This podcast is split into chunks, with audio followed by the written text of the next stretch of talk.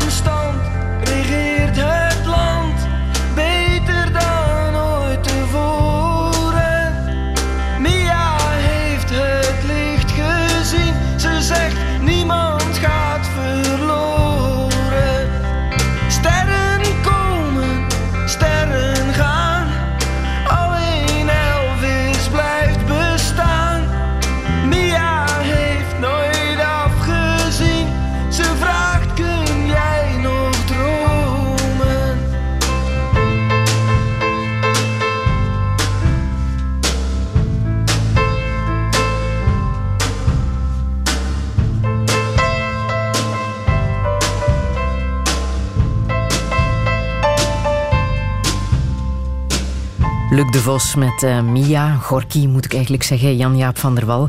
Je vernoemt het nummer in jouw zaalshow eh, Schoon. Omwille van dat ene zinnetje, de middenstand regeert het land. Is het dat dat jou zo intrigeert aan die tekst? Nou ja, dat is een prachtige zin. Die ik ook niet helemaal goed begrijp natuurlijk. Omdat ik natuurlijk... Ik ben hier niet opgegroeid. Ik, ik snap ook wel wat hij zingt, maar ik voel, ik voel het nog niet zo. Maar het, het, op de een of andere manier raakt dat nummer me heel erg... sinds ik het voor de eerste keer heb gehoord. En je moet dan altijd een beetje oppassen, want ik ben hier natuurlijk toch... Ik, ik blijf een Hollander, dus je kunt je ook niet te veel aanmatigen. Dus je kunt ook niet zeggen dat is een lijflied geworden of zo. Maar ik merkte, ik merkte opeens dat ik het eh, aan het zingen was onder de douche. En dan gewoon een hele week lang. En zo, en ik, ik, ik loop, eh, ik heb een zoontje van negen maanden en dan loop ik dan mee door het dorp waar ik woon in Nederland. En dan zing ik het ook. Dus, dus dat, dat viel me ook. Dus dacht ik, ja, dan, dan zit het toch ergens in mijn systeem.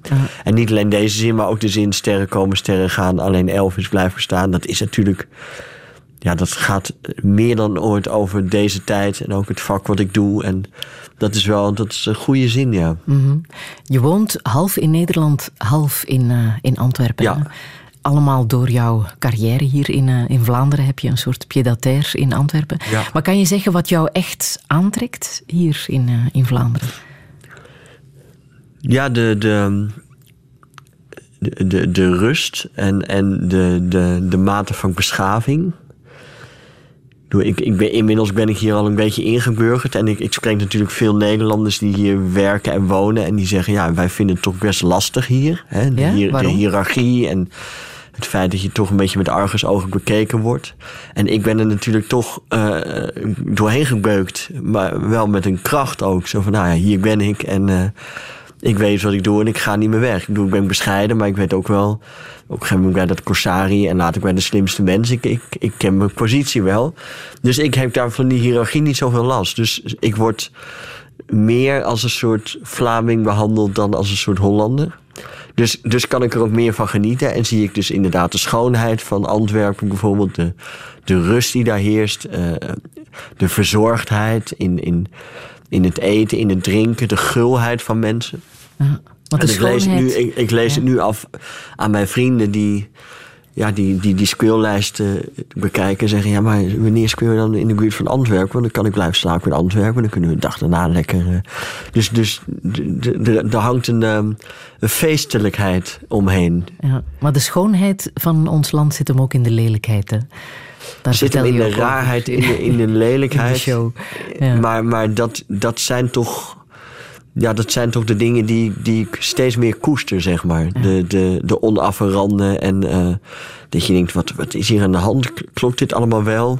Onze manier van communiceren bijvoorbeeld. Ja, dat is fascinerend. Nou, ik, ik, de- ik, benoem, het, ik benoem het als een soort eh, ja, gebied van mogelijkheden wat ontstaat.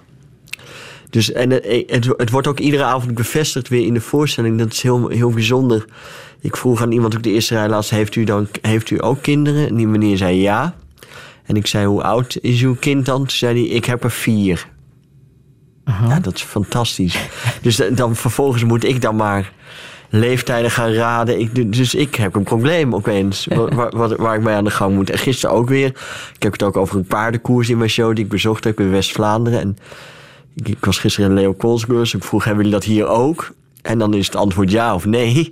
Maar die man die zei tongeren. Dus ik zei, oh ja, dus nu moet ik dus, nu moet ik dus aan de gang. Dus nu moet ik dan maar raden dat dat dan hier in de buurt is en dat het dan in Tongeren is. En, en die communicatie, ja, dat vind ik, eh, dat vind ik fascinerend. Ja. Ze gaan er ook vanuit dat jij West-Vlaams begrijpt, hè?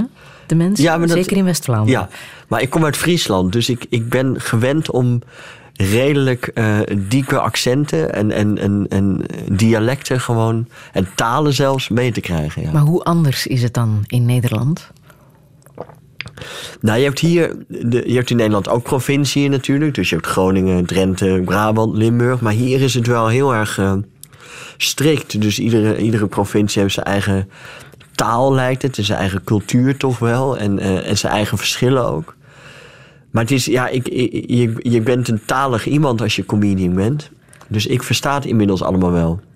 Ja. Maar als ik, als ik mensen uit Nederland over heb die ik een avondje meeneem op café hier en ik nodig ook mijn Vlaamse vrienden uit, dan merk ik wel dat ze zeggen: hé, maar wat, wat, zeggen ze, wat zeggen ze nou? En Dan moet jij voor ondertitels zorgen. ja. En andersom is het natuurlijk toch ook zo dat als ik optreed, zijn die mensen horen Nederlander. Dat horen ze ook nu weer niet iedere dag. Dus ik moet daarin ook zorgen dat ik helder ben en duidelijk praat en eh, kracht, kracht in mijn zinnen leg en zo. Je ziet de show ook een beetje als een soort onderzoek ehm, voor de plek waar je je zoon gaat opvoeden. Hè? Of dat nu Nederland zal worden of, Ja, of Vlaanderen. Vlaanderen, Ben je er al uit? Eh, nou, we, we hebben nog even. Hij is nu negen maanden. Dus ik denk dat de, de plek waar hij naar school gaat, dat dat wel een belangrijke beslissing is. Dus daar hebben we nog 2,5 jaar, 3 jaar voor om dat uit te stellen. Ja. Hij heet Tove. Beethoven Ja, klinkt Scandinavisch, hè? is het. Nou, het is een Scandinavische meisjesnaam. Ja. Heeft het ook een betekenis? Ja, jij bent bij de voorstelling geweest. Ja. Dus jij weet welke grap ik daar nu over maak. Maar ik, ik, moet, ik mag ook weer niet te veel grapjes weggeven natuurlijk. Nee, dat is waar. Nee. Het is zo'n mooie. Ja. Ja, Je gaat het echt niet zeggen? misschien later nog in de... In de dus een teaser, dat de mensen moeten blijven luisteren. Ja. Maar wat heb je nu echt al geleerd van de Vlaming? In al die tijd dat je hier eh, woont en werkt? Nou, de, toch de, de, de kwaliteit van leven wel. En, en er, is, er is een. ehm, Vlaanderen is natuurlijk ook een complex land. En België is een complex land. Ik bedoel, ik, ik, ik benadruk dat nog maar weer eens als je hier beneden binnenkomt. Er, is een soort eh, ja, scheiding tussen de Franstalige gedeelte en het Nederlandstalige gedeelte. En ik blijf, dat, dat blijf ik fascinerend vinden. Dus dat land is complex en daar, daar hoort ook een soort teleurstelling bij soms. Of een soort berusting. Of een soort van, ja, we accepteren dan maar dat het zo is en we doen maar zo voort. En dat is wel echt iets wat ik geleerd heb, ja. Dat, dat, dat, dat- daar gaat ook wel heel veel inspiratie van uit. De Nederlander zal meteen op de barricade staan en alles aanvechten wat ze niet eh, prettig vinden. Ja, eh, ik, ik eh, hoorde gisteren een interview met Ilja Vijver, de, de Nederlandse dichter en schrijver op de radio. Die woont in Italië. En die vertelde dat hij onlangs weer eens in Nederland was voor een paar maanden. En dat hij ook zoek is gegaan naar problemen in Nederland. En hij was tot de conclusie gekomen. Er zijn geen problemen in Nederland. Maar, zei hij, ondertussen is iedereen aan het klagen over dat er zoveel problemen zijn in Nederland. En dat, dat klagen, dat heb ik het idee, is hier veel minder. Ja. Nederlanders leven van het klagen? Ja, de, de, de, de- we, we, het, het is wat botter allemaal. Het is wat harder. En eh, eh, ik, ben, ik ben in mijn vak, ik kom op televisie, ik kom in het theater. En ik ben, ik ben in de jaren 2000 ben ik zo'n beetje carrière gaan maken in Nederland. Het was een hele vriendelijke tijd eigenlijk. Het internet was er wel, maar nog niet zo eh, eh, veel en hard. Alleen als je nu al die commentaren die je linksom of rechtsom krijgt... dat is in Nederland gewoon veel harder en gepolariseerder allemaal.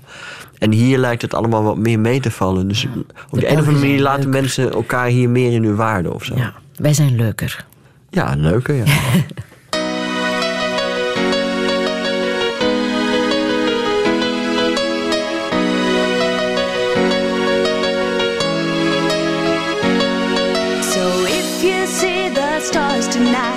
tell me what they say.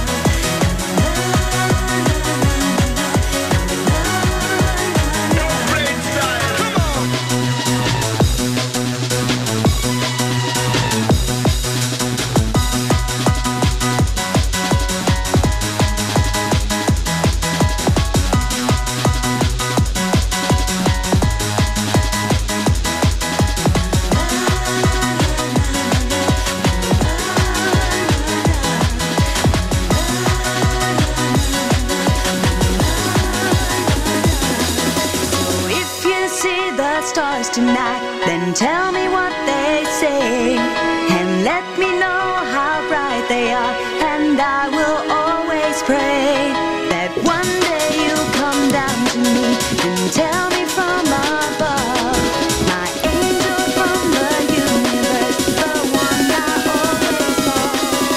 Charlie, Low Noise en Mental Theo met Stars. Jan-Jaap van der Wal, jij zei je mag het wegdraaien hoor. Ja, nee, maar is, je hebt het zelf gekozen, leg het nu maar Nee, uit. maar je, opeens word ik me heel erg bewust van de situatie. We komen uit een Eucharistieviering. hè, en we hebben net eh Gorky gehoord en dan nu dit. Maar ja, nee, je vroeg me om een aantal muziekstukken mee te nemen.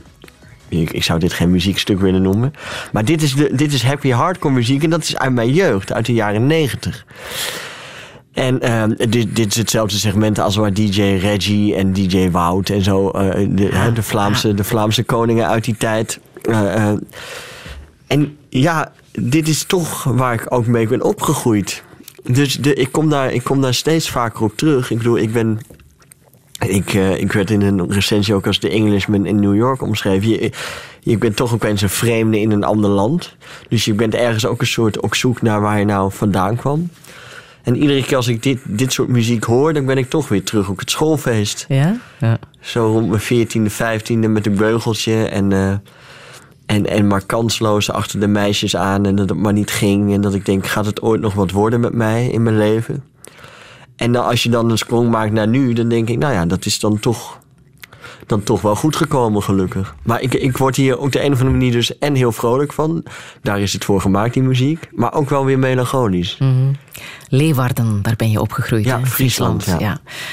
Welke, ja, hoe, hoe, eh, hoe is het om, om daar op te groeien? Friesland, Leeuwarden, lijkt zo ver weg. Nou, Fries- Friese mensen eh, eh, zijn net als Vlaamse mensen eigenaardig. In de zin dat ze ook apart zouden willen van Nederland. En dus in die zijn er veel raakvlakken.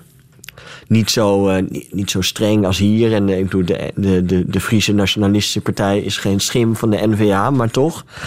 Ehm, ja, het, het, het, is een, het was een, een enorm rustige tijd waarin ik ben opgegroeid. De jaren tachtig in Friesland. Heel vriendelijk, heel, eh, ja, heel erg dicht bij elkaar. En ondanks het feit dat Leeuwarden een stad is, was het allemaal toch heel dorps. En eh, heel erg benaderbaar. En ik ben natuurlijk toch, ik ben geboren met een hazenlip. Dus je, je groeit toch op anders dan anderen.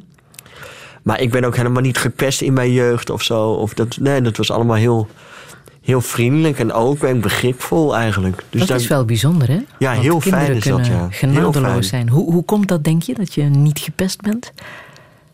Nou, omdat, het, omdat ik, ik ging naar een eh, school met allemaal wel verstandige kinderen. En, en eh, waar, waar de ouders een grote rol hadden. En mijn moeder is gewoon vrij snel. Eh, want ik lag eigenlijk ieder jaar wel een paar keer in het ziekenhuis. En dan kwam mijn moeder altijd in de klas. En die ging dan vertellen wat ik had en hoe dat kwam. En, eh, en dan mochten de kinderen ook langskomen. Voor de, voor de meeste kinderen was het heel spannend om naar een ziekenhuis te gaan. Om een klasgenootje te bezoeken. En eh, ze mochten overal aanzitten, dus had ik een enorme pleister op mijn mond. En dat, en dat- dat- ja, ik, ik, ik liet dat altijd wel toe. En daardoor was er een soort begrip, denk ik. En, en, eh, en kon ik eigenlijk vrij eh, moeiteloos door mijn jeugd heen. Ik, heb- ik heb nooit hoeven rennen voor mijn leven of zo. Ja. Hoeveel operaties heb je ondergaan? 13 tot aan mijn twaalfde jaar. Het hakt er toch wel even in als kind, denk ik. Ja, alleen als, op het moment dat je bewust wordt van wat pijn is, dan, dan hakt het erin. Alleen zo rond je tiende, elfde jaar komt dat zo'n beetje. Maar daarvoor was het, was het eigenlijk ook wel leuk. Want ja, je kreeg cadeautjes en je kreeg aandacht. En iedereen was met je begaan. En eh, je, ja, je, je bent toch een soort van artiest al op de een of andere manier. Je bent toch een beetje vreemd. En eh, dus da- daar was ik me al vrij snel van bewust. Dat ik dacht, oh ja, hier ben ik wel uniek in. Maar later wordt het natuurlijk ja, pijnlijker en pijnlijker. En dan ga je je zorgen maken over je uiterlijk. En eh, nou, op een gegeven moment is het allemaal goed gekomen. En ik, in, in principe word ik nog steeds wel regelmatig benaderd door plastische chirurgen of door tandartsen. En die zien mij dan op de televisie en die zeggen: Ja, maar kan ik niet nog dat bij je doen? Of, eh, En wat zeg je dan? ik zeg, nee, zoals het nu is, is het goed. Ja. Beter dan dit wordt het niet. Wat wou je worden als kind? Ik wilde eerst heel lang bakker worden, banketbakker, omdat ik altijd vond dat het zo lekker rook. En vanaf mijn veertiende jaar, 13, 14e jaar, eh, was ik wel echt van plan om cabaretier te worden, ja. Of tenminste, dat hoopte ik, daar droomde ik van. Dus ik, ik las er veel over en ik luisterde veel naar de radio. En eh, toen, toen kwamen de eerste shows op televisie van, eh, van Urbanus bijvoorbeeld. Ik bedoel, Die heb ik allemaal gezien als kind. En in Nederland had je Bert Visser en Joek van het Hek. En, en toen langzaam ben ik, ben ik me ja, daar wel echt in gaan verdiepen. En toen dacht ik, ja, dat zou toch wel heel leuk zijn als dat zou lukken. En Wie was jouw grote voorbeeld? Ik denk dat als je dit vak doet, en zeker als je dat in Nederland doet, is Freek de Jonge het grote voorbeeld. Ik bedoel, daar kun je toch niet omheen. Kijk, het vervelende van dit doen is dat je op een gegeven moment ook de trucs kent. Dus je weet, je- dus ik kan naar een comedian kijken en in- dan denk ik, oh ja, nu doet hij dat, nu doet hij dat. Dus je, je kunt niet meer echt genieten, zeg maar. Maar Freek de Jonge heeft toch altijd wel, die doet toch altijd wel iets waarvan ik dacht, wauw, dat, dat, dat is echt anders. Dat, Daar was ik nooit op gekomen. Maar je kan er niet voor studeren, hè? Stand-up comedy. Nee, nee, je moet, je moet vlieguren maken. En eh, dat is het aller, allerbelangrijkste. En ehm, En hoe heb jij dat gedaan? Nou, in Nederland heb je een, een, een stand-up comedy gezelschapje. Dus dat, dat, dat heette de Comedy Train. En dat bestond toen uit een mannetje of 20, 25. En die hadden een eigen comedycafé. En wij traden ieder weekend ook. Dus ik werd, ik werd daar aangenomen. Ik deed een auditie.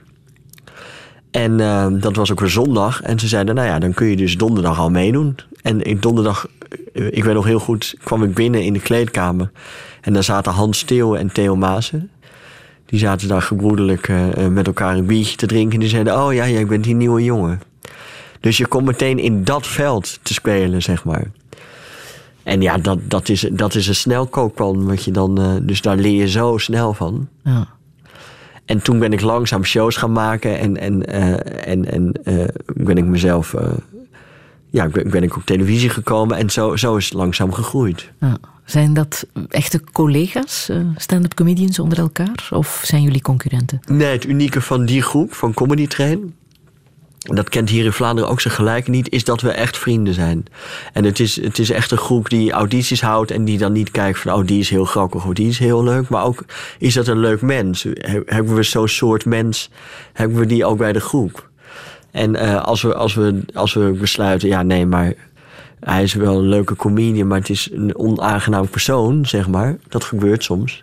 Dan zeggen we, ja, nee, het moet ook een vriendengroep zijn. Dus daarin kan ik echt oprecht zeggen. En natuurlijk, de groep is inmiddels tot 45 uitgegroeid. En het zijn niet allemaal vrienden. Als ik jarig ben, nodig ik er 10 uit en niet 40. Maar het is, echt, eh, het is echt een enorm vangnet. En we hebben ook regelmatig komen er Amerikaanse of Engelse comedians langs. En die zeggen ook, ja, dit is uniek in de wereld. Café de Joker in eh, Antwerpen, kan je het daarmee vergelijken? Ja, daar, daar is een soort clubje van mensen is daar ontstaan door de jaren heen... waarvan je ook kan zeggen, ja, dat is ook een vriendengroep. Het is in ieder geval een hele loyale groep. Want er zijn, hier, er zijn in Antwerpen echt nog wel wat andere comedy-initiatieven... worden die hier en daar gelanceerd. Maar iedereen blijft toch aan die joker vasthangen. Dus dat, dat heeft wel hetzelfde soort gevoel.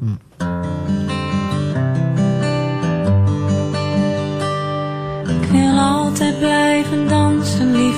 Dansen zolang ik leef. Wil altijd met je vrijen, lief. Totdat ik zweef. Langs de allerhoogste sterren. In het achterste heelal. Dan verlang ik naar de val. Uit de elte, door de dankring, door de wolken, door jouw dak, door jouw huid, door het blauw, door het rood, dan door het zwart. Ik wil wonen op een ster in het heelal van jouw hart, op de allerkleinste ster. In het heelal van jouw hart. En daar kochten we een huisje, ergens op het platteland. Passiflora aan de muur en rijpe kersen in de mand. En jij maakte houten zwaarden voor de kinderen en ik zat in het gras en keek naar alles wat ik had. En de nacht viel en de kinderen sliepen in hun zoete geur. En we dronken nog een whisky op het stoepje bij de deur. En de gierzwaluwen kwamen en een vleermuis er rond. En Baker blies de sterren, de sterren uit zijn mond. Jij zat naast mij, ik zat naast jou. Ik bleef wakker tot jij sliep. Nam je in mijn armen, liefste. Keek omhoog totdat de hemel niet meer hoog was, maar zo diep. En ik neerkeek in het heelal. En verlangde naar de val. En we werden. En de kinderen gingen weg. Deden duizend domme dingen. Maar ze kwamen goed terecht. En jij zei, je wordt steeds mooier. En ik dacht, ja, dat is waar. Want we gingen steeds meer lijken op elkaar. En toen stierven onze vrienden. God ging rond met het grote mes. En we huilden en we vloekten. Daarna pakten we de fles. En we dronken nog een whisky op het leven en het graf. Want we deden wat we konden. En we wachten rustig aan. En we maakten nog één reisje. Het heelal in voor het eerst. En we vreden voor het laatst daar. In Hotel de Kleine weer. Tussen de allerhoogste sterren. In het achterste heelal. Dan verlangend naar de val. Uit de uilte door de dankring, door de wolken, door jouw dak, door jouw huid, door het blauw, door het rood, dan door het zwart. Ik wil wonen op een ster in het heelal van jouw hart, op de allerkleinste ster. In het heelal van jouw Jelka van Houten met Heelal van jouw hart. Op de E313 van Hasselt naar Antwerpen is een ongeval gebeurd op de afrit Massenhoven. Je kan er maar moeilijk voorbij. Touché. Jan-Jaap van der Wal, dat was een nummer uit eh, de musical Turks Fruit. Eh, Ja, Vind jij heel mooi gezongen, hè? Door eh, Jelka van Houten, de zus van Carice van Houten. Is ja. Ja, dit, dit, het was een hele kleine musical in, in Nederland. Een Turks fruit van Jan Wolkers uiteraard. Dus eh, ook tekst van Jan Wolkers. Ja, heel mooi, heel mooi gezongen. En ja, ik heb Jan Wolkers enkel ontmoet. Ook Tessel, ik trad daar ook toen. En toen eh, was hij komen kijken. En toen zei hij, kom, kom je de dag eh, daarna kom je even langs bij me thuis. En dat zijn wel van die momenten dat je jezelf een heel klein beetje in je arm knijpt. Dat je denkt, ja, dan ben ik nu toch gewoon bij Jan Wolkers thuis. Had een heel groot buffet gemaakt met zijn vrouw. En, eh, en lekker gegeten, geluncht. En toen heeft hij me nog zijn werkruimtes laten zien. En eh, toen heeft hij me laten zien waar in het huis zijn kat eh, allemaal ook zijn hoofd had gepiest. Ze zeiden ja, en hier, en hier was de kat en die had op mijn hoofd gepiest. En hier had de kat op mijn hoofd gepiest. En eh, ja, toen ging die dood, de kat. We hebben heel, heel lang over die kat gesproken. En toen heeft hij nog met een. Met een hij, wa- hij was al oud, toen heeft hij met een trillend handschrift nog een, eh, een opdracht in een Friese versie van Turks fruit voor mij geschreven. Ben jij een boekenlezer? Ja, ik, ik, als, ik, als ik de tijd heb, dan, eh, dan doe, doe ik dat graag, ja. Ja. De tijd. De dat tijd. ontbreekt nu een beetje Ja, ja, ja. in dit prille Als jonge vader dan heb je de tijd niet, maar eh, nee, ik, ik, ik ben een lezer, ja. Ja. Kan je over het vaderschap grappen maken? Ja, het is altijd, het is altijd een beetje lastig, omdat, omdat het, het is zo'n ongelooflijk uitgekoud onderwerp. Maar, en, en het is ook heel erg cliché. Alleen mijn vrouw en ik hebben er heel erg lang over gedaan om kinderen te krijgen. Dat is een enorm zware en lange weg geweest. Dus voor mij is het ook weer niet een heel groot cliché. Ik, ik heb, ja, totdat ze zwanger werd, heb ik altijd ergens gedacht, ja, het gaat nooit lukken. Dus, dus, dus dat hele cliché, dat, dat, zo geldt dat niet voor mij dan. Maar ik, ja, ik, ik, ik, ik maak het mee nu. En je moet ook grappen maken over wat je nu meemaakt. Dus ik kan wel doen alsof ik een heel dynamisch eh, leven heb. Maar ja, het, het speelt zich toch eh, voor een heel groot deel van de tijd af in huis met de baby. En alles wat de baby wil. Ja. Ja. Er is een stand-up comedian die zeer goede grappen heeft gemaakt over het vaderschap. Ja. Bill Cosby wil ik even laten horen. But you see, I'm, I'm a father. And fathers are the geniuses of the house. We're the geniuses of the house because only a person as intelligent as we could fake such stupidity.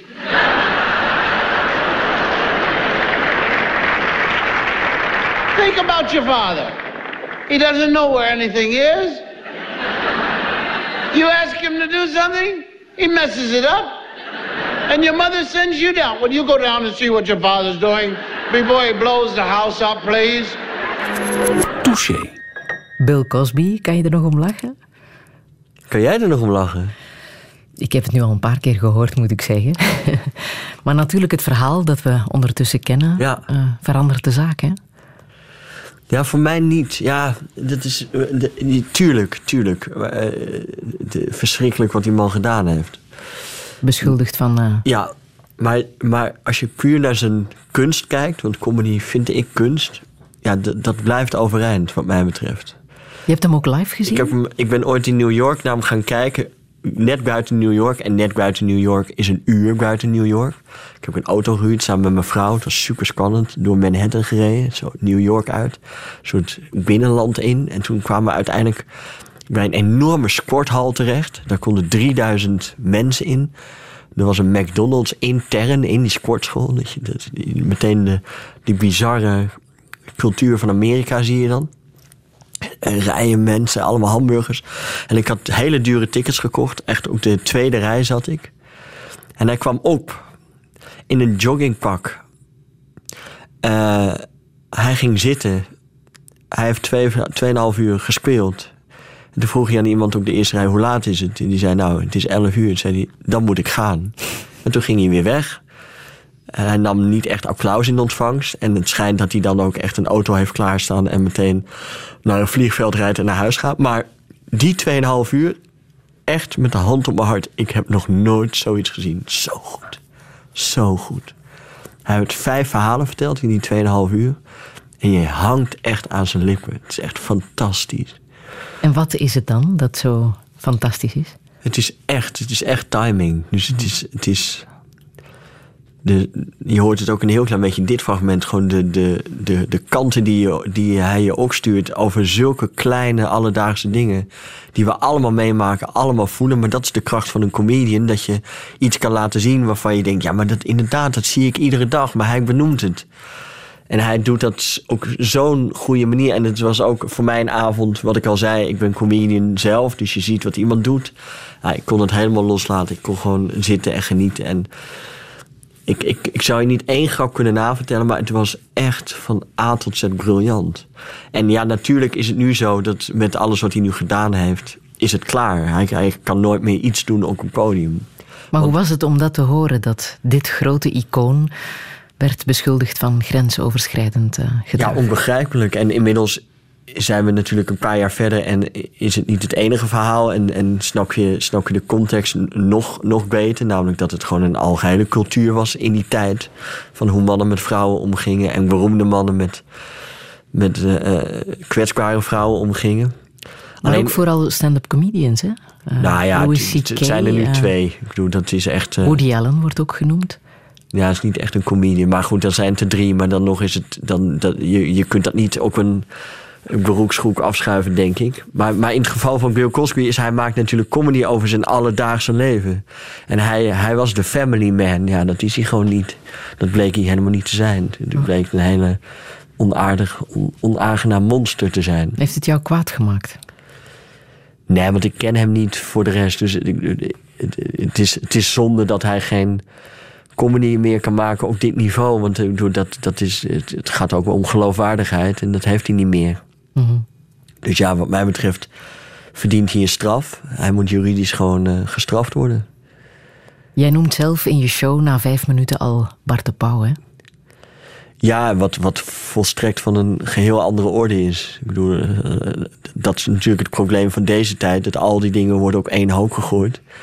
Ik zag op een gegeven moment ergens in een krant een soort overzicht van alle mensen. En er stond Bart de Pauw inderdaad tussen Bill Cosby en Harvey Weinstein in. Ja, dat is natuurlijk ook eh, niet helemaal waar. Dat moet je ook wel een beetje nuanceren.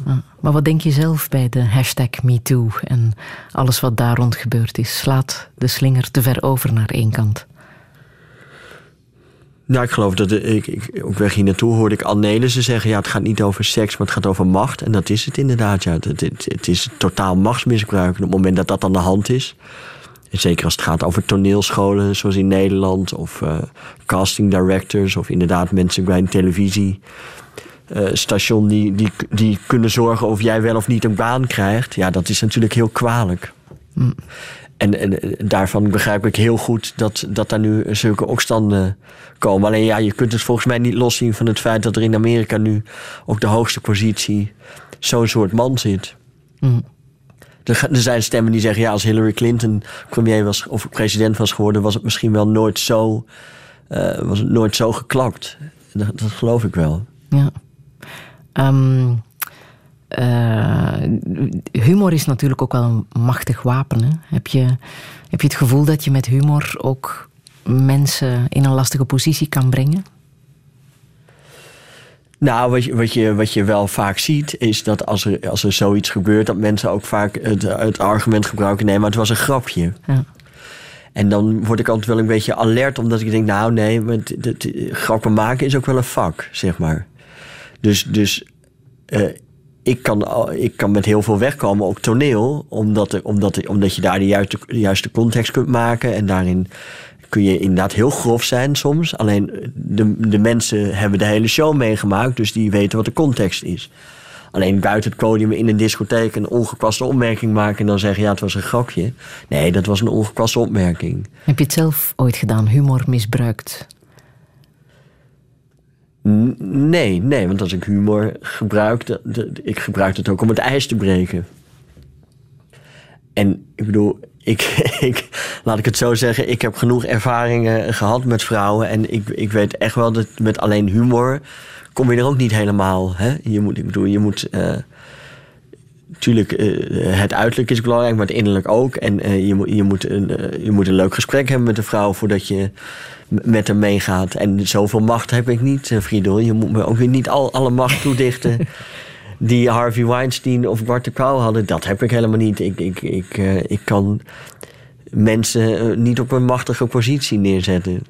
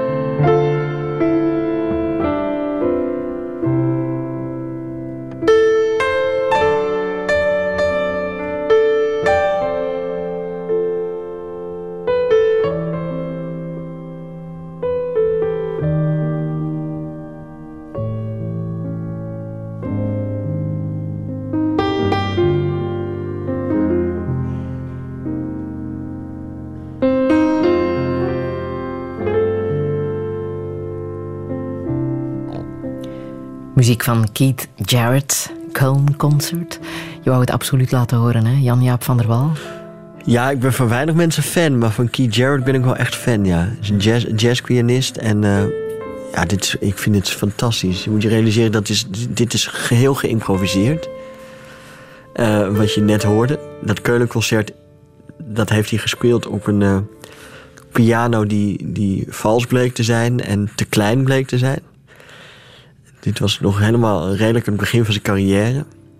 En um, ik, ik heb er een documentaire over gehoord over, over, de, over de, dit concert. Je hoort ook helemaal aan het begin hoor je het publiek ook een beetje lachen, omdat ze denken: wat is dit voor raars? Maar hij heeft, hij heeft dat hele uur, anderhalf uur, heeft hij gewoon geïmproviseerd, solo op de piano. Ja, dat vind ik fascinerend.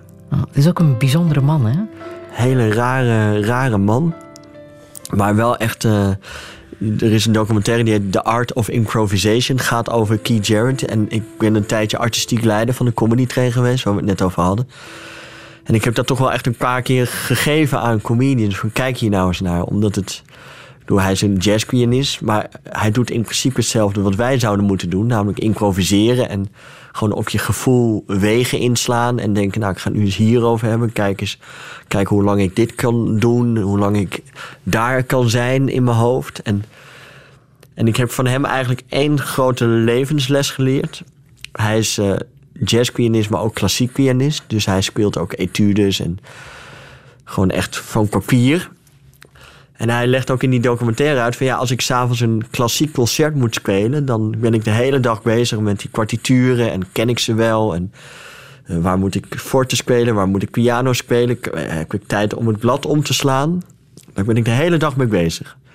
En hij zei: Als ik een jazzconcert moet spelen s'avonds, dan is het enige wat ik moet doen, is me afvragen: heb ik zin om te spelen vanavond?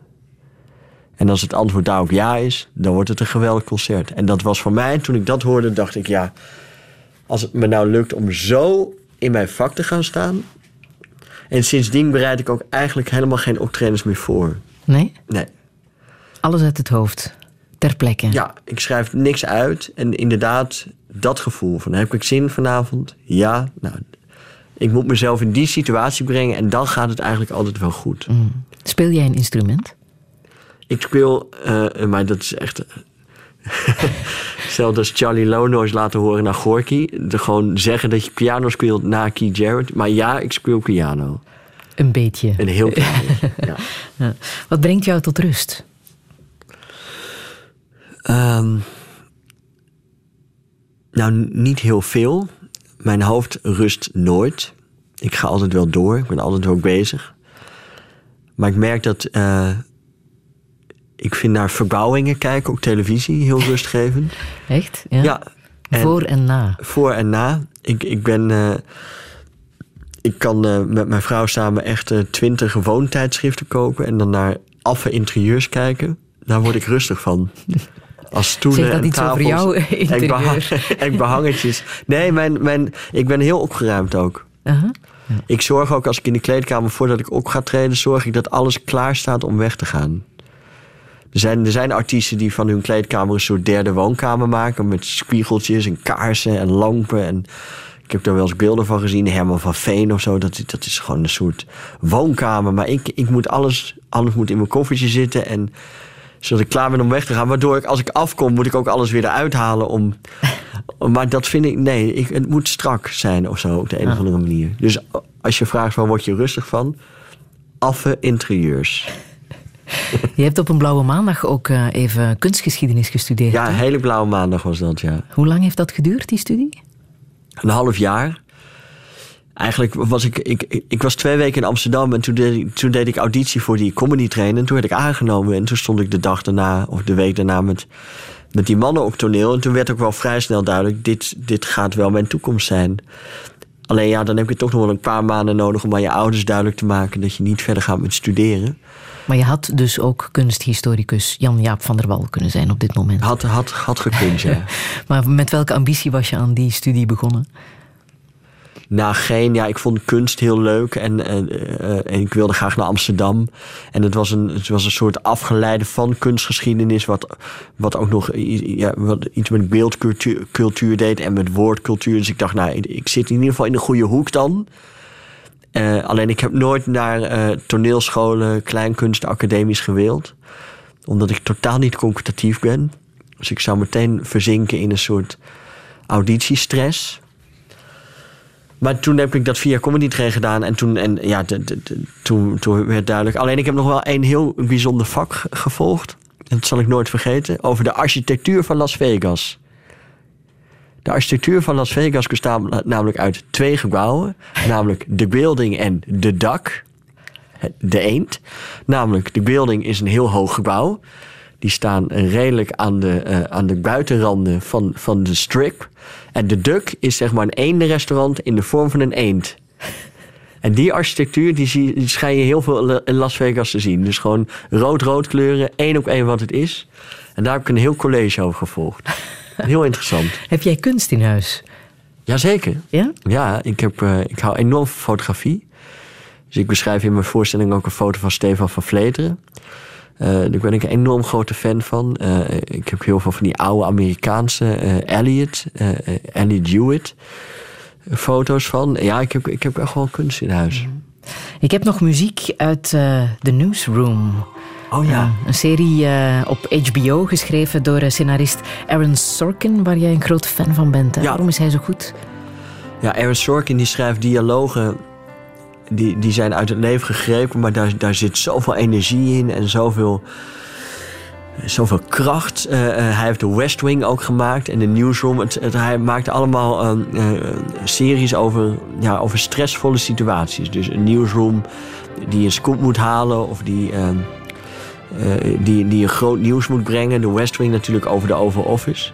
En hij is bekend om de dialogen die allemaal lopend eh, gedaan worden. Dus, er zijn, dus in iedere serie die hij maakt zit er een shot van iemand die van de, over hier van de redactie van de ene naar de andere kant zou lopen. Dan wordt van alles in besproken. En iedere keer als ik naar zo'n serie kijk, dan denk ik, ik wil die persoon zijn. Dus bij de West Wing denk ik, oh, ik moet, oh, ik moet ook een eh, politiek assistent hebben. Het slaat helemaal nergens op, maar ik denk, ja, ik moet dat ook. En eh, ja, fantastische scenarist is dat.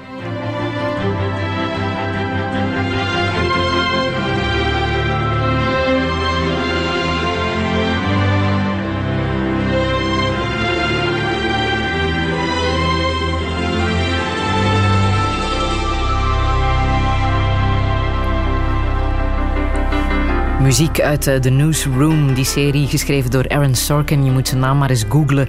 Hij werkte ook mee aan eh, films, zoals eh, The Social Network. Eh, en eh, de biografie over Steve Jobs heeft hij ook eh, aan meegewerkt. hè. Jan-Jaap van der Wal, wij praten zo meteen verder na het nieuws van na 12 uur. Radio 1. Friedel Lassage. Touché. Touché met stand-up comedian Jan-Jaap van der Wal. Hij toert momenteel door Vlaanderen met zijn nieuwe zaalshow Schoon. Een ode aan de Vlaming, hoewel hij ook wel wat kritiek heeft. Vooral op onze vreemde manier van communiceren. Dat is in Nederland wel even anders. Hoewel hij als jongen met een hazellip in het Friese Leeuwarden is opgegroeid onder het juk van het Calvinisme. Doe maar gewoon, dat is al gek genoeg. Zijn goesting voor humor deed hem kiezen voor het vak van comedian. Hoewel er ook een estheet in hem zit. Ook daarin schuilt zijn liefde voor alles wat schoon is. Maar hoe moet het verder? Hoe volgt hij de Antwerpse politiek? En hoe lang zal de mensheid blijven lachen? Dit is Touché met Jan-Jaap van der Wal. Een goede middag. Gun me de tijd te reflecteren. Le bilan, zet ik blij waar dat ik naast in het leven twijfels. Vraag stellen en blijven leren. Fouten goed maken en het tijd proberen keren. Want ik heb gekwetst, belogen, vals bespeeld. Ik moest nog verleren over vrouwen en respect. Ik kon het steken op mijn omgeving, allemaal piranha's. Maar uiteindelijk heb ik gedaan wat ik gedaan heb. Paljas, liefde. Abstract begrip zeker en voor te houden van moet ook genoeg moed hebben, schat vergeven. Je hebt mij geleerd wat ik weten moest, het leven is te precieus om te zeggen, je m'en fout. Kan alleen maar geven wat ik te bieden. Kan alleen maar zeggen, het weinige dat ik. Ik heb zitten marchanderen, opportunist, maar met de liefde onderhandelde nu. Stilte haast u, ik blik wat om mijn memoires. Denk aan alle maanden die zich in mijn borst kaas op uit. Ik zie een vriendschap nog altijd even levendig, maar ik blas hier een dork stof van verkleurd papier. Ja, zo dat. Vrienden komen en gaan. En ontgroeide ook de leefstijl, dat is normaal. Ik ging zowel met de zotste als de beste legionairen Jeugd van de stad, verhalen van de wagen. Je hebt nooit gezegd hoe van belang dat ze van mij waren. Maar ze hebben me mij gevormd tot wie ik na ben. Ik volg de wijsheid, luister naar zijn woorden. Keuzes maken, zaken die bij het leven horen. Kan alleen maar geven, wat te bieden. Kan alleen maar zeggen het weinige dat ik weet Ik heb zitten marchanderen Op woorden niet Met je liefde Onderhandelde. Op zoek naar stilte, maar krijg ze niet te pakken. Gemoedsrust verstopt zich achter verwarring. Ach, hoe oud ik na? En ik weet nog altijd van meer. De nonchalance ik probeer te laten zit er nog altijd in. Ik maak steeds fout, deur dat ik zin. Ik hoop dat ik de mensen rondom mij toch ook iets goed te bieden heb. De waardevoller dat ik word, hoe meer woorden dat ik kan delen. En mag dat toch juist het ware geluk wezen. Kan alleen maar geven, wat te bieden heb. Kan alleen maar zeggen weinige dat ik weet. Ik heb zitten marchanderen op niet. Om met de liefde onderhandelde nu. Kan alleen maar geven ik te bieden. Kan alleen maar zeggen weinige dat ik weet. Ik heb zitten marchanderen op woorden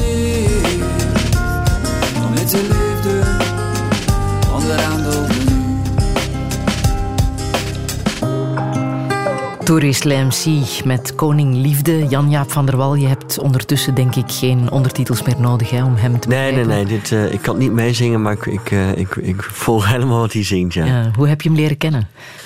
Ja, ook via Café Corsari. Ik was, ik was daar dus eh, iedere maandag was ik daar te gast. En besprak ik wat mij opviel aan Vlaanderen. En ja, ik vond het een geweldig programma. Ik benadruk het nog maar eens, omdat, omdat ik het idee heb dat het in het voorbijgaan nog wel eens... dat wordt hier en daar nog wel eens eh, zo een beetje ontkend. Eh, Er wordt nog een beetje weggezet als ja, dat is mislukt. Nou, ik vond het een geweldige show. En daar kwam hij dus spelen. En ja, ik, ik kende hem niet. Dus, dan- dus dan, dan hoor je dat voor het eerst. Zo'n jongen en allemaal muzikanten op toneel. Een jongen die klarinet speelde. Ik vond het echt fascinerend. Toen dacht ik, wauw, wat ben ik een bofkont. Ik zit hier gewoon op de eerste rij hier naar te kijken. In hoeverre ben jij ondertussen echt ingeburgerd in Antwerpen? Nou ja, ik, ik, ik, eh, ik ken de plekjes wel, ja. Ik, Ja? eh, ja, ik vind mijn weg er wel. Ja, je weet Borgerhout, eh Ja. Berchem, Berchem Station. Ja, ik, ik, ik ben er- ik, kan de buurt er een beetje onderscheiden. Overal langsgekomen, ja. En wat de Antwerpse politiek betreft, ben je daar ondertussen een beetje in thuis? Nou, interessant. Ja, hè, vooral afgelopen week. Ja. Heb je de strubbelingen in eh Het is altijd volgens mij een, een behoorlijk eh, pikant idee als twee partijen zo samen ten strijde trekken. en dat geeft toch ergens het signaal af, ja, in ons eentje kunnen we het niet. Mhm. En ehm, ja, ik, ik, ik, ik, woon, eh, ik woon in een appartement en in mijn brievenbus vind ik regelmatig allemaal folders van de NVA. Maar ik heb nog nooit een folder van de Samen in mijn, in mijn bus gevonden, zeg maar. Dat zal waarschijnlijk ook niet meer gebeuren. Nee, dat gaat nu. niet meer gebeuren, ja, dat is Ja, klaar. Ja, maar je hebt het gevolgd, hè, wat er precies is gebeurd. Ja. Tom Meus eh, is opgestapt. Ehm, hoe, hoe kijk jij daarnaar als Nederlander? Eh, is dat het soort politiek dat in Nederland ook eh, gekend is? Harde dat heb- woorden en eh, Nou, we, dit, dit dure maken wij in Nederland leveren. natuurlijk ook mee. Ik bedoel, het komt er toch op neer als dat iemand heeft vanuit een soort opportuniteit gewoon geroepen. In dit geval over Bart de Wever. Ja, het is niet te vertrouwen en daar en daar en daarom. En ja, als, als dan uiteindelijk blijkt dat je exact hetzelfde hebt gedaan. Ja, dan, dan, dan komt die boemerang dus heel hard terug, ja. Mm. En dat... dat eh, ze, ze, ze hebben bij de ideale wereld hebben ze deze week de, de zwarte en de witte lijst in het leven geroepen. Als in, eh, we gaan er maar vanuit dat iedere politicus niet te vertrouwen is, tenzij die wel te vertrouwen is. Maar dit maken wij in Nederland ook regelmatig mee. Kijk, eh, Kijk, Bart de Wever is, los van het feit wat je politiek van hem vindt, is, is het wel een, een hele goede politicus. Als, als politieke vak is, dan is hij wel echt een van de beste in zijn vak. Zoals Mark Rutte dat bij ons is. Ja, om daar dan tegen te strijden te trekken, dan zou je toch uit een ander vaatje moeten takken, ben ik bang. Mhm. Wordt er te weinig aan politiek gedaan en te veel aan een verkiezingsstrijd? Ja, ik bedoel, de, de, de nieuwjaarsrecepties. eh, ik, zag toevallig de Gwendoline Rutte langskomen. En die probeert dan op een soort hele armoedige manier. probeert ze dan die Miss België er nog in te krijgen in de speech en zo. Dat je doe, dat- nou niet, want dan wordt, dan wordt het allemaal zo lelijk van. Zeg nou maar gewoon wat je wil en wat je te vertellen hebt. En eh, dat, dat aanmächtige, eh, eh, we, we moeten iedereen erbij. En, ja, zo werkt politiek voor een deel natuurlijk ook helemaal niet. Maar in Nederland kunnen ze toch ook behoorlijk hard zijn hè, voor elkaar. In Nederland zijn ze heel hard en is het heel erg gepolariseerd. En wat er in Nederland heel erg aan de gang is, is dat uiteindelijk, als je een beetje uitzoomt, is iedereen gewoon de kant van Wilders opgetrokken. Dus ook de Christen-Democraten en, eh, en ook de Partij van de Arbeid roept dingen die, die, die 20 jaar geleden echt niet konden. En dus, dus, dus wij trekken met z'n allen toch wel een soort rechterkant op. Nu, dat wordt ook gezegd, hè. 90% van eh, eh, de eh, plannen van de partijen die lijken op elkaar. Die komen gewoon overeen. Ja, dat, ik doe het is, wat dat betreft is het, is, het, is het moeilijk kiezen. En let je dus ook andere dingen. Let je ook iemand, hoe iemand zich gedraagt, hoe iemand overkomt. En ehm, ik denk dat de tijd voorbij is dat mensen. Want ook zo'n zo, zo'n meneer van de SPA, ik bedoel, wat hij gedaan heeft, dat hadden mensen hem echt wel kunnen vergeven. Eh, wat hij bij de lijn ooit gedaan heeft en zo. Dat, dat, dat, dat boeit al lang niet meer. Alleen waar het om gaat is dat iemand eh, iemand anders de maat heeft genomen en dan nu eh, zelf hetzelfde blijkt gedaan te hebben, ja, dat is waar mensen niet tegen kunnen. Hoe kijkt Nederland naar een partij als N-VA? Nou, de eerlijkheid gebiedt mij te zeggen dat Nederlanders vrij weinig interesse hebben voor de Vlaamse politiek. Ja? Ja, er wordt- er wordt wel. Er wordt, Vlaams Belang hangt er nog een beetje boven. Terwijl NVA en Vlaams Belang zijn wel echt twee andere dingen, heb ik inmiddels geleerd. Dus ik heb het idee dat mensen nog wel denken dat, dat Vlaanderen eh, een beetje in de handen is van eh, Philip de Winter. En op een gegeven moment zijn ze ook gehouden met het te volgen, volgens mij. Dus de nuancering tussen, tussen N-VA en... Omdat als je namelijk naar de Belgische politiek kijkt... dan zien wij Charles Michel. Alleen hier gaat het allemaal om Geert Bourgeois en Bart de Wever. En, eh, Maar iemand als Theo Frank of zo, dat, die komt in Nederland niet op televisie. Ja. Jij vernoemt hem wel, hè? Ja, Theo Frank komt wel even langs, ja. Ja, ja. Ja. Vind je hem een fascinerend figuur? Nou, is- ik, ik werk ook voor de ideale wereld en daar komt hij eigenlijk iedere dag wel langs. Dus, dus, dat- dus dat zijn van die namen waarvan je al meteen voelt: oh wacht, hier zit meer aan vast. En, eh, maar het is ook iemand die hoog spel speelt, toch? Wat, wat er met die. eh, wat die met de Soedanezen is gebeurd, ja, dat is echt, dat is echt hoog spel. En ehm, ja, dat wordt dan wel kaart afgestraft, gelukkig maar. Ja. Wat, ad- wat voor advies zou jij geven aan de Belgische politici of de Vlaamse politici? Nu de gemeenteraadsverkiezingen er eh, dit jaar staan aan te komen. Ja, het, hetzelfde als wat, wat er in Nederland gebeurt. Dus, dus tenzij je het enorm goed beheerst, maar pas echt ook voor dat rare opportunistische populisme. Om, om er maar allerlei dingen bij te willen halen. En, en, en, en eh, de, Partij van de Arbeid in Nederland is helemaal. eh, is gedecimeerd, maar dan zie je, zag je van die toespraken, dan zie je zo echt zo'n gestaged podium met allemaal mensen uit allerlei culturen en leeftijden erachter. En De staat- doorsnee van de maatschappij. ja, zo'n Marokkaans jochie van 12 bij. Dat je denkt, ach, laat dat jochie nou gewoon met rust, weet je wel. Probeer het nou niet allemaal zo ons op te dringen. Dat, dat, daar, daar prikken we met z'n allen echt doorheen. Geloof jij nog in de democratie? Ja, er heeft ooit iemand gezegd, er is eigenlijk een dictator zonder ambitie nodig. Gewoon iemand die zegt, ik ben de baas, maar we, we, zien, we zien wel wat we gaan doen. Nee, ik geloof zeker nog in de democratie. Alleen democratie in, in de puurste vorm is natuurlijk wel het, het recht van de minderheid. Alleen democratie is nu geworden, ja, de meerderheid zegt het, dus we gaan het zo doen. Terwijl de minderheid binnen de democratie, de bescherming daarvan, ja, dat mag allemaal wel wat, eh, wat beter. Ja. Je maakt je wel zorgen hè, over de evolutie van, eh, van deze wereld en de ontmenselijking van, eh, van deze wereld. Nou ja, dat is een cliché van het vaderschap. Dat je ook eens, ook eens krijg je daar wel een verantwoordelijkheid bij. Dus, dus eh, als je kinderloos blijft, kan je denken, nou, na mij de zonvloed en eh, we, we, we, nemen er nog één. Maar ja, ik ontkom er niet aan dat ik de wereld toch een beetje beter moet achterlaten voor mijn zoon dan dat ik hem gekregen heb, bij wijze van spreken. Mm. Wat maakt jou dan het meeste zorgen? Nou, inderdaad, inderdaad de, dus de, de gemakkelijkheid als je teruggaat in de geschiedenis waarmee er een oorlog is ontstaan en de naïviteit waarin we nu denken, ja, maar dat gaat ons niet meer gebeuren. Ja, dat, dat, ja hallo, dat kan zomaar gebeuren. En wij zijn daar helemaal niet ook uitgerust op een, een conflict of uh, mocht dat uit de hand lopen. Dat zie je wel aan iedere terroristische aanslag.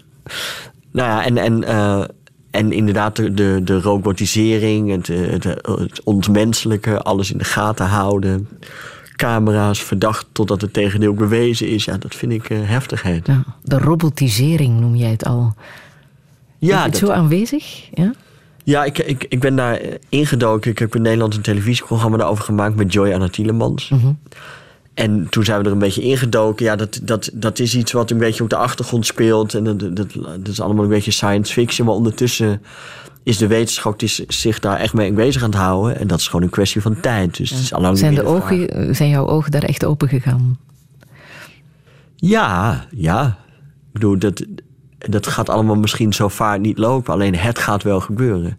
Dus daar moeten wij als mens op een gegeven moment een keuze in gaan maken. Van willen wij ja of de nee een zelfrijdende auto? Nou, dat is dan nog onschuldig. Maar ja, als je een kindje hebt of als je vrouw zwanger is, laat je dan in het DNA knippen van je kind. Nou, dat kan over tien jaar. Dan kun je gewoon zeggen: Ik wil dat eruit, ik wil dat erin, ik wil dat eruit, ik wil dat erin. Ja, dan kom je op een ander vlak natuurlijk. Ja. Zou jij het doen? Nee, want als dat zou kunnen, was ik er misschien niet geweest. Oh. Dus ja, dus nee, ik zou het niet doen, maar ik zeg dat nu heel makkelijk. Hè? Want ja, stel nou dat ze nu, er zijn nu ook bloedtesten waaruit je kunt aflezen of iemand al dan niet kanker heeft en wat voor behandeling die moet hebben. Ja, ik denk dan toch, ja, god, als dat, als dat eh, straks voor 20 euro beschikbaar wordt, ga ik dat wel doen. Tuurlijk. Oh. Dus ja, het is een keuze die we moeten maken.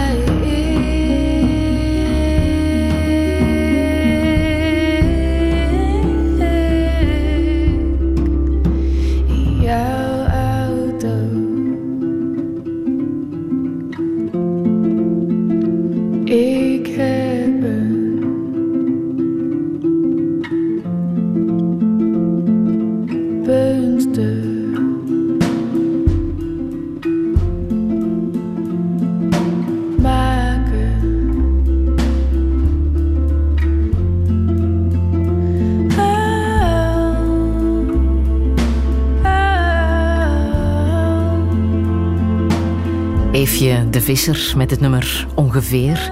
Een prachtig nummer dat uh, ook gebruikt werd bij het begin van de documentaire die je hebt gemaakt in 2013 over stand-up comedians in uh, de Balkan. Jan-Jaap uh, van der Wal.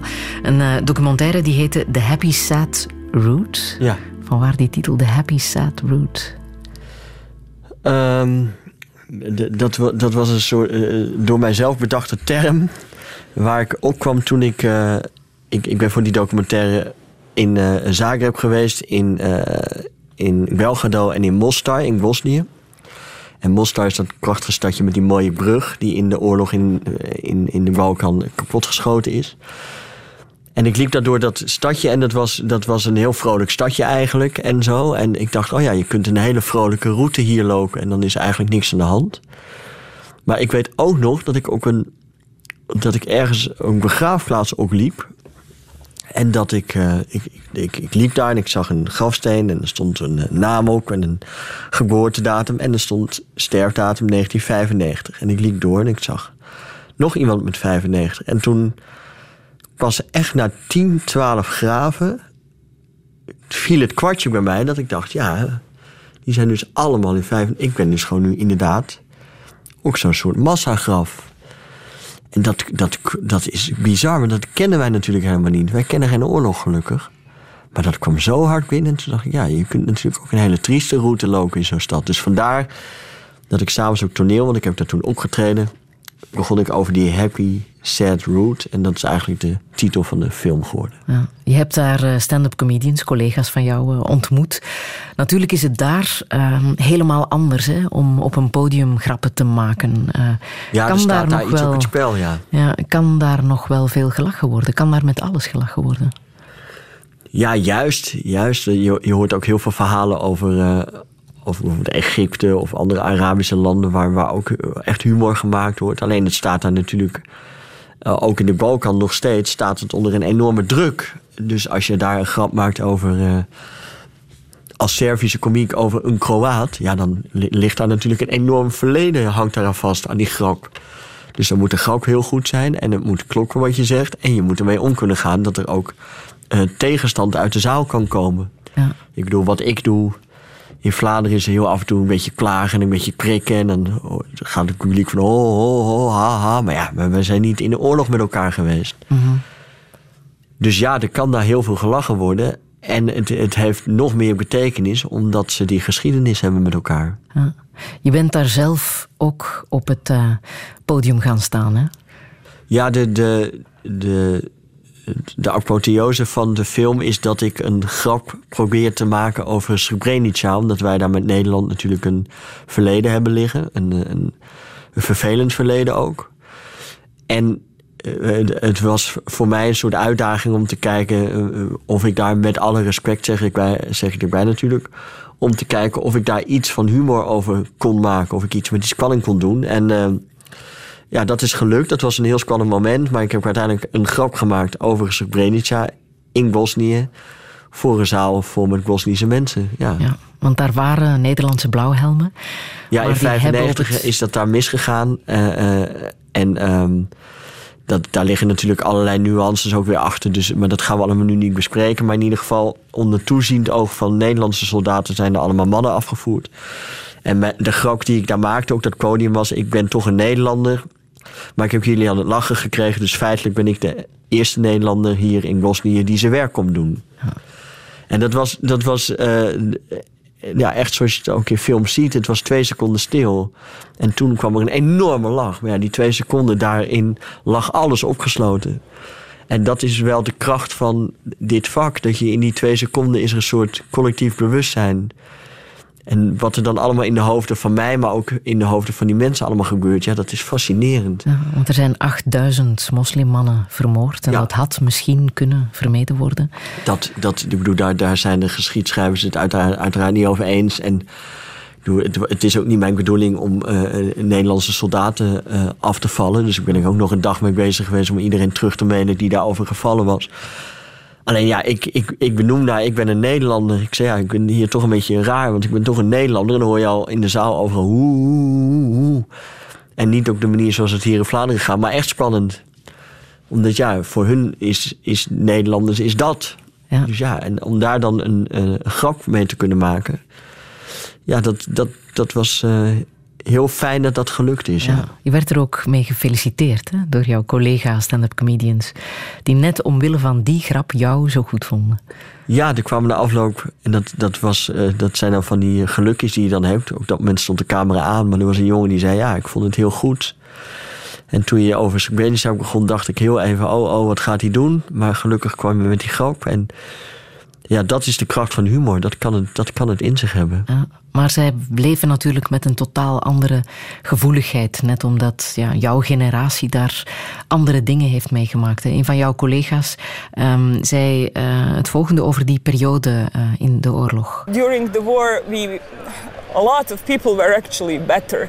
We were less spoiled. We were we were more concentrated to the true values. We want we knew very well what's important and what is not. Even if you were the most spoiled person in the world, the, during the war, you you you knew the true values.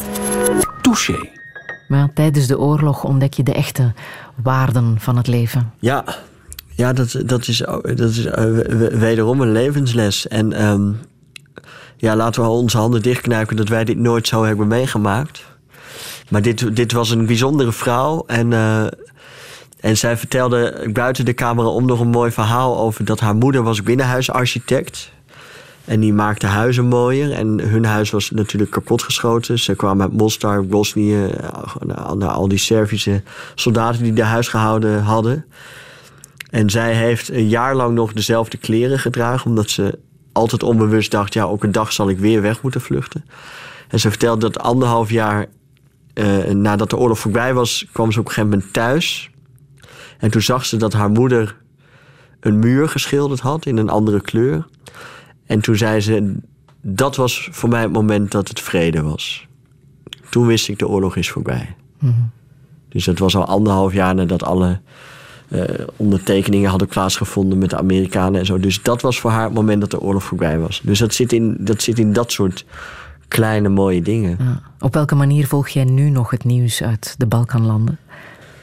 Nou, dat is zo'n dat is zo'n onderwerp dat als het voorbij komt in een artikel of op het journaal, dan nu onlangs weer met die, met die eh, Joegoslavië-tribunalen, ja, dan, dan ben je daar toch iets, iets alerter op, omdat je denkt, oh ja, daar, daar was ik wel. Ja, de spanning is er nog altijd. Hè. Er is een Servische politicus van de week eh, doodgeschoten op de stoep. Ja, het, is- het, is, het is enorm spannend, ja. En eh, ik, ik, ik ben het een beetje aan het volgen, ook de, de comedians. Je hebt daar heel veel comedians, ook in de Baltische Staten zijn ook heel veel comedians.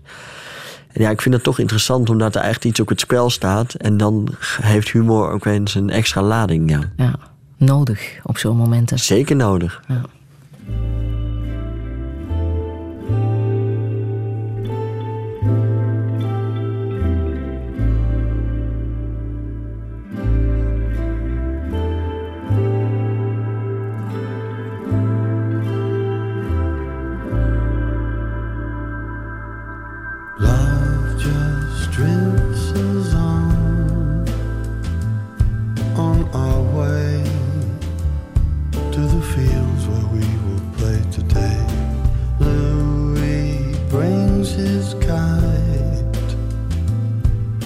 Home made paper chain.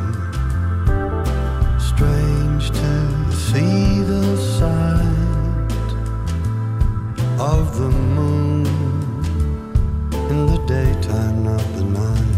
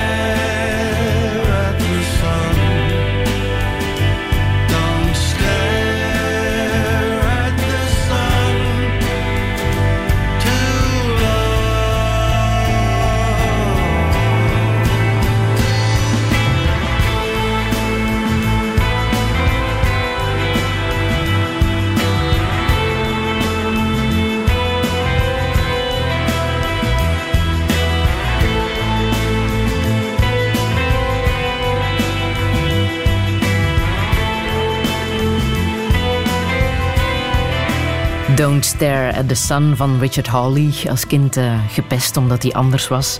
Hij was klein, had een gespleten lip en gehemelte. Maar dankzij de liefde van zijn ouders heeft hij eh, zichzelf leren waarderen. Heeft in totaal twintig operaties gehad. Iets meer dan jij, eh, Jan-Jaap van der Wal.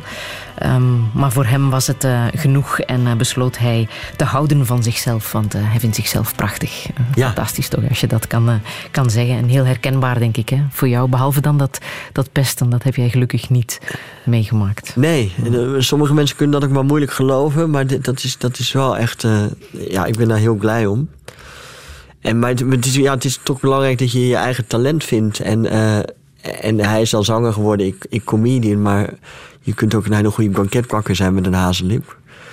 Maar ik denk dat dat, dat eh, een soort van... eh, ja, vuur in jezelf vinden, een soort talent daarvan, daarvan gaat iedereen, ligt daarvan ook, letterlijk en figuurlijk. En als je die glans over je heen krijgt, dan, ehm, ja, dan, dan zie je dat al gauw minder. Het enige is wel, eh, wat mijn ouders vrij goed hebben gedaan, is dat ik in mijn jeugd tot uit een treuren ben ik ook logopedieles gegaan. Omdat mijn vader altijd wel dacht, hij moet zich wel verbaal staande kunnen houden. En dat is, ik, ik, ik ontmoet natuurlijk wel eh, een aantal keer per jaar kinderen met een hazellip of ouders, die spreek ik dan. En dat is toch altijd wat ik meteen zeg. Zorg, zorg, zorg daar echt voor. Want, want als je er al niet eh, eh, normaal uitziet en je bent dan ook nog eens een keer moeilijk te verstaan, ja, dan, lukt het, dan lukt het veel moeilijker om eh, aansluiting te krijgen. Heb jij nu nog ergens last van? Nee, ja, ik kan geen ballon opblazen, dus het zijn een beetje karige feestjes altijd bij mij. Maar eh, nee, ik heb eh, fysiek eh, nergens meer last van, nee. Mhm. Ja, het, het, het, het zal altijd bij mij mijn gebit en mijn neus en het zal altijd een beetje schever staan dan bij andere mensen. En dan kun je nog wel een keer een beugel nemen of nog een keer, maar uiteindelijk, nee, dit is wat het is. Heb je zelf ook proberen te achterhalen hoe het komt dat je, dat je met een hazellip bent geboren? Kan je dat wetenschappelijk verklaren? Nee, ja, het, het, het, het schijnt iets met medicijnen gemaakt te hebben in een heel, eh, bij mijn moeder dan in een heel kril stadium. En, maar het is, het, is ook, het is ook gewoon toeval en samenloop van omstandigheden. Ja. Hm.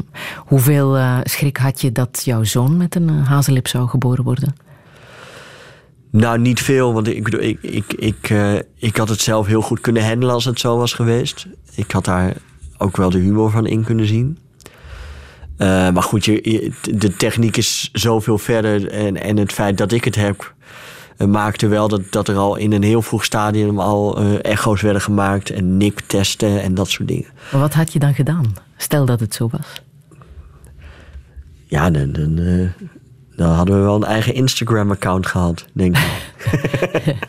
Nee, maar ja, dan, dan had ik mijn zoon opgevoed zoals ik ook opgevoed ben. Namelijk gewoon haal, haal toch de kracht uit jezelf en eh, we, we zorgen voor je. Maar dat moeten we nu ook doen, want het is nog steeds een, ondanks dat het een prachtig mannetje is, is het een kwetsbaar mannetje.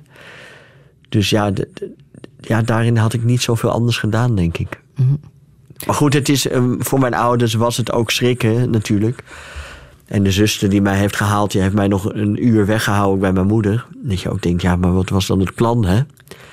Uiteindelijk moet die confrontatie er dan toch zijn. Alleen eh, me- mentaal ben ik altijd goed geweest en dat was belangrijk voor mijn ouders. En eh, ja, Het was ook niet evident om kinderen te krijgen, hè, voor jou. Nee, dat heeft allemaal heel lang geduurd. En met, met, met ziekenhuistrajecten. En daar, daar ben ik in die zin de medische wetenschap ook heel dankbaar voor.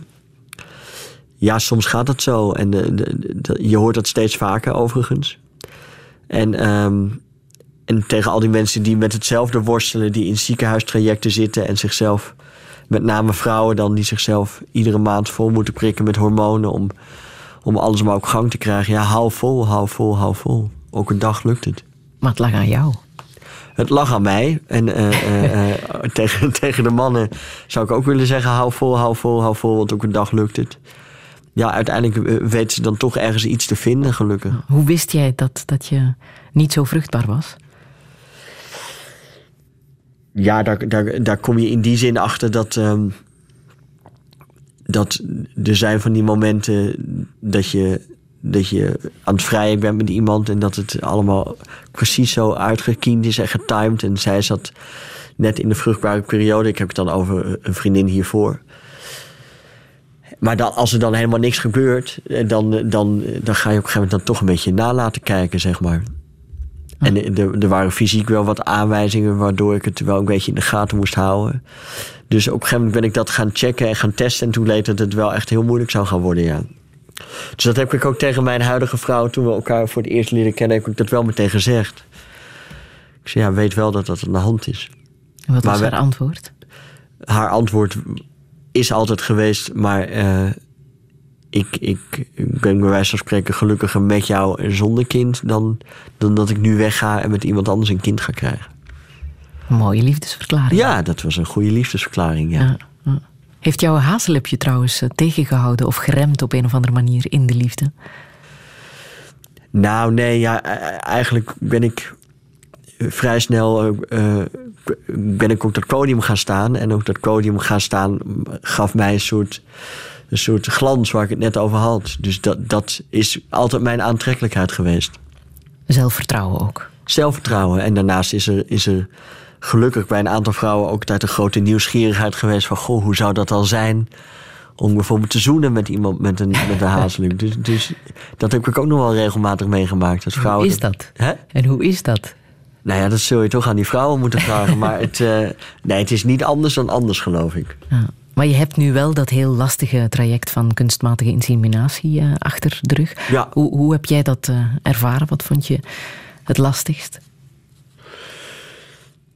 Nou ja, het, het, eh, het lastigste aan dit, dit eh, traject is dat je, dat je iedere maand toch een soort teleurstelling hebt. Dus er zijn heel veel mensen die krijgen kinderen, gelukkig maar, die, die niet eens merken of die niet eens zich ervan bewust zijn. En dus de romantiek en de liefde die daarbij hoort, die gaat er op een gegeven moment na een aantal jaar ook wel af.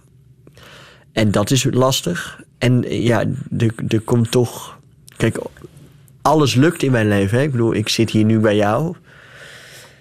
En qua carrière ging alles gewoon goed. En de- dan is het op een gegeven moment heel frustrerend dat je het meest basale wat er is, namelijk je voortplanten, dat lukt dan niet. Dus ik, ik woonde in die tijd in Amsterdam vlak bij de RAI, dat is een grote beurs.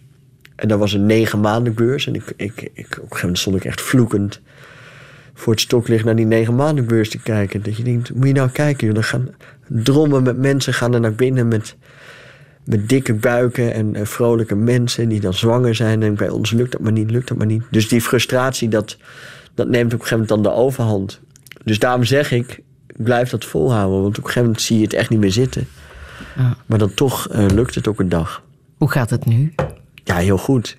Dat is ook zo raar, want je vergeet dat opeens weer. Ja. Het is nu dat ik het er met jou over heb, dat ik me realiseer... ja, dat heeft echt wel lang geduurd. Ja.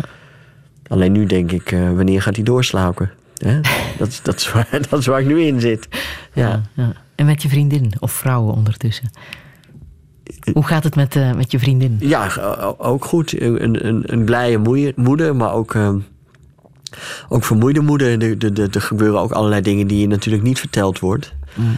Eh, dus, ehm, dus onze relatie heeft ook weer een heel andere dynamiek gekregen. Want ik weet, ik ben, je, ben je samen ouders. En ik weet, is er iemand. En, eh, maar goed, die hoeft maar eh, te lachen en te, te zingen vrolijk s ochtends. En de dag kan beginnen. Ja, ja.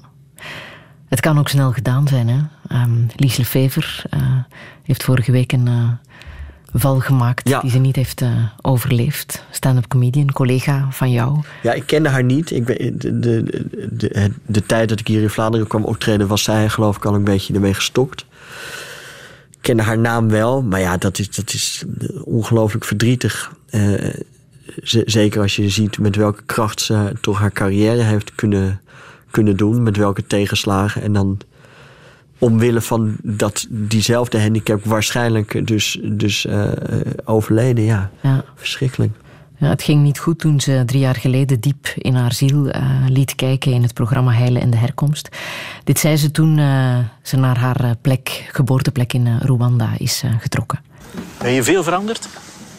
Ik denk het wel. Ik, had wel het, ik heb wel al het gevoel gehad dat je eigenlijk een negatief zelfbeeld hebt. Een beetje, maar ik denk dat dat wel normaal is, niet? Normaal door wat er jou overkomen is. Weggegooid. Ja, ja, ook. En, ja, weggegooid en ook gewoon door het feit dat je altijd het negertje met één oog bent. Serieus? Zonder dat. Ai, Want niet iedereen weet van dat weggegooid en zo. Dat Ja, dat is waar, dat is waar. Maar gewoon, je valt op, hè. Sowieso. Touché. Ja, negerke met één oog, zo eh, zag ze zichzelf en je valt op. Ja, maar dat, dat Rwanda is natuurlijk ook. Dat, ja, dat is hetzelfde met de Balkan. Dat is genocide geweest. Hè? En de grond waar genocide heeft plaatsgevonden, daar groeit echt helemaal niets meer. Ondanks dat het land zichzelf wel weer opnieuw heeft proberen op te bouwen. Maar ik kan me voorstellen, als je daar teruggaat en, en haar verhaal, wat ik ervan begreep. Dus inderdaad achtergelaten als kind. Ja, dat, je wil daar ook niet naar terug, lijkt me. Maar dan via, via zo'n programma ga je dat dan doen. En dan word je daarmee geconfronteerd. Ja, dat is dus heftig. Ja. Straks om twee uur is er de uitvaartplechtigheid in het eh, cultureel centrum De Westrand in eh, Dilbeek. Zullen we haar hier nog even eren?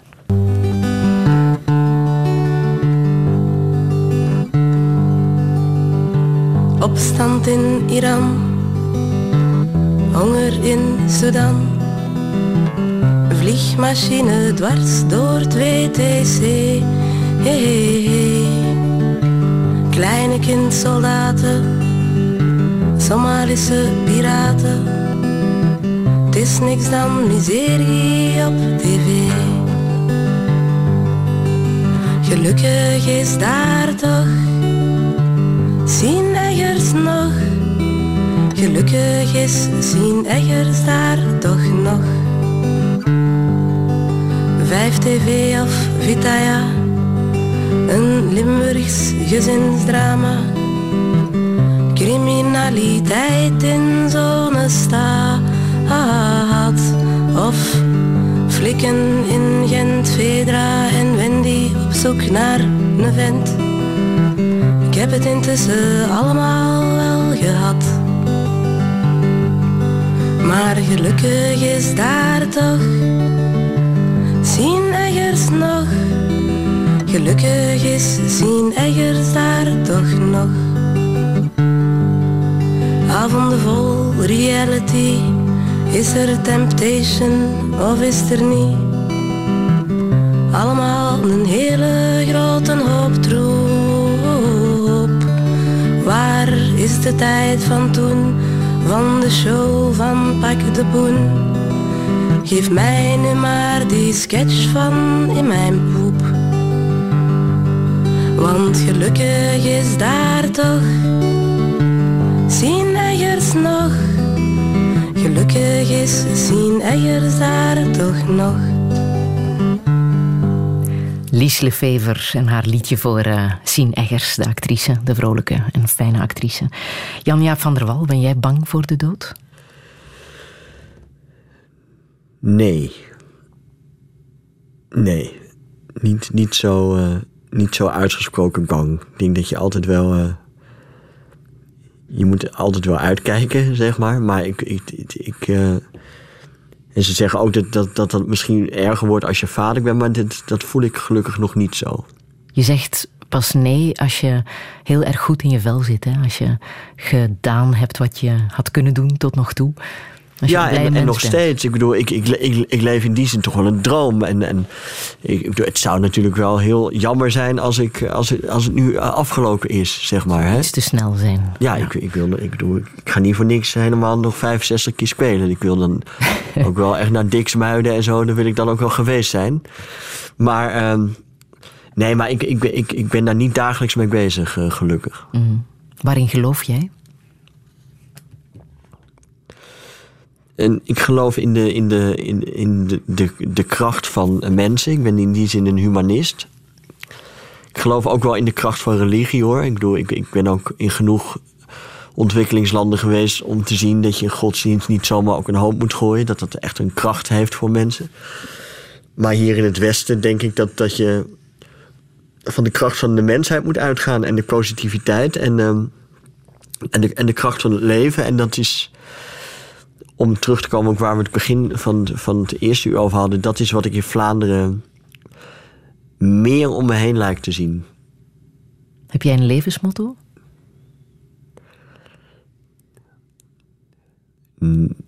Doe je best. Is dat Calvinistisch? Ik denk het wel. maar het is, het, het, het, heeft, ja, het is ook een aansporing. Maar het is geen boze aansporing, maar het is wel een aansporing. Zit er nog veel van het Calvinisme in jou? Nou ja, ik ben, ik, ik, ik ben wel ik ben van Friese huizen. Ik ben ook een beetje van gereformeerde huizen. Dus, maar niet heel streng hoor. Maar dat is inderdaad wel, ja, doe je best. En eh, werk hard. En, ehm, en, en ik, ik heb regelmatig gesprekken nu met Nederlandse collega's. En die zeggen, ja, maar wat doe je dan in België? En hoe, waarom lukt het je dan? En waarom, hoe komt het dat je daar succes hebt? Ja, hard werken. Dus niet denken, ik kom hier gewoon mijn show spelen en dan eh, zit het wel vol. Nee, gewoon hard werken. Wat zou je echt nog- zondagochtend langs op Radio 1.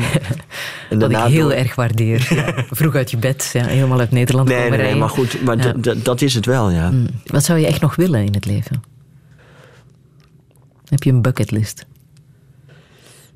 Nee, nou ja, nee. Ik, ik, ik wil mijn, mijn eh, zoon zien opgroeien op een, eh, op een leuke manier. En dat ik, dat ik zijn eerste vriendin kan meemaken. En misschien ook zijn eerste kind. Dat zou ik heel graag willen. En voor de rest, op werkgebied... eh, ben ik op een plek die, ja, die ik drie jaar geleden niet had kunnen voorzien. En ik zou over drie jaar hier weer willen zitten... en iets gedaan hebben waarvan ik nu nog niet weet dat ik het ga doen. Wil je nog een boodschap meegeven? Nee, ik blijf vooral luisteren naar deze zender. Dank je, dank je. Ik heb nog eh, ehm, een fantastisch nummer van Amanda Strijdom klaarstaan. Ja, dat Hoe is wel voel. mooi. Dat is eh, het nummer wat op mijn huwelijk werd gespeeld. In het Afrikaans. In het Zuid-Afrikaans. Ja, ja. Waarom dit nummer? Ja, dat, dat, dat, dat is voor mij het ultieme liefdesnummer, omdat het op mijn huwelijk gespeeld werd. En eh, ja, ja, luister maar, het is, het is gewoon prachtig.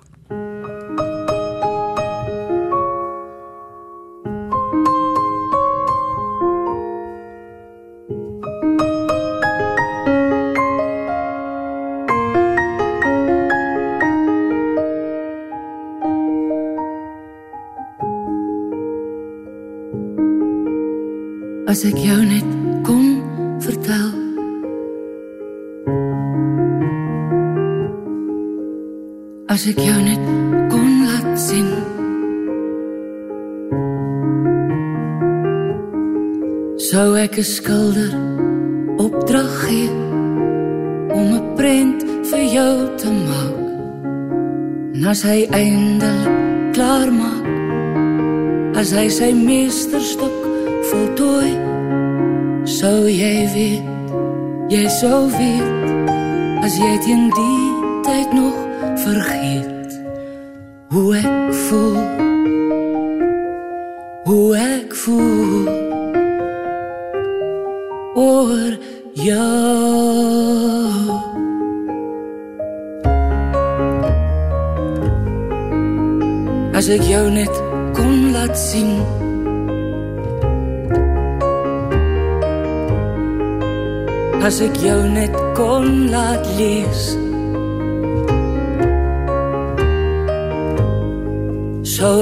ek 'n faksmasjien gaan huur en gedigte vir jou stuur. En as jy ander kant dit kry, as jy dit uithaal en jy kyk, sou jy weet, jy sou weet as jy teen die tyd nog vergeet hoe ek voel. Hoe ek voel oor jou.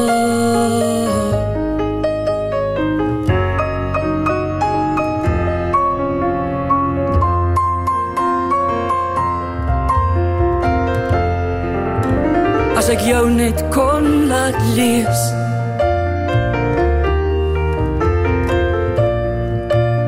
As ek jou net kon laat hoor.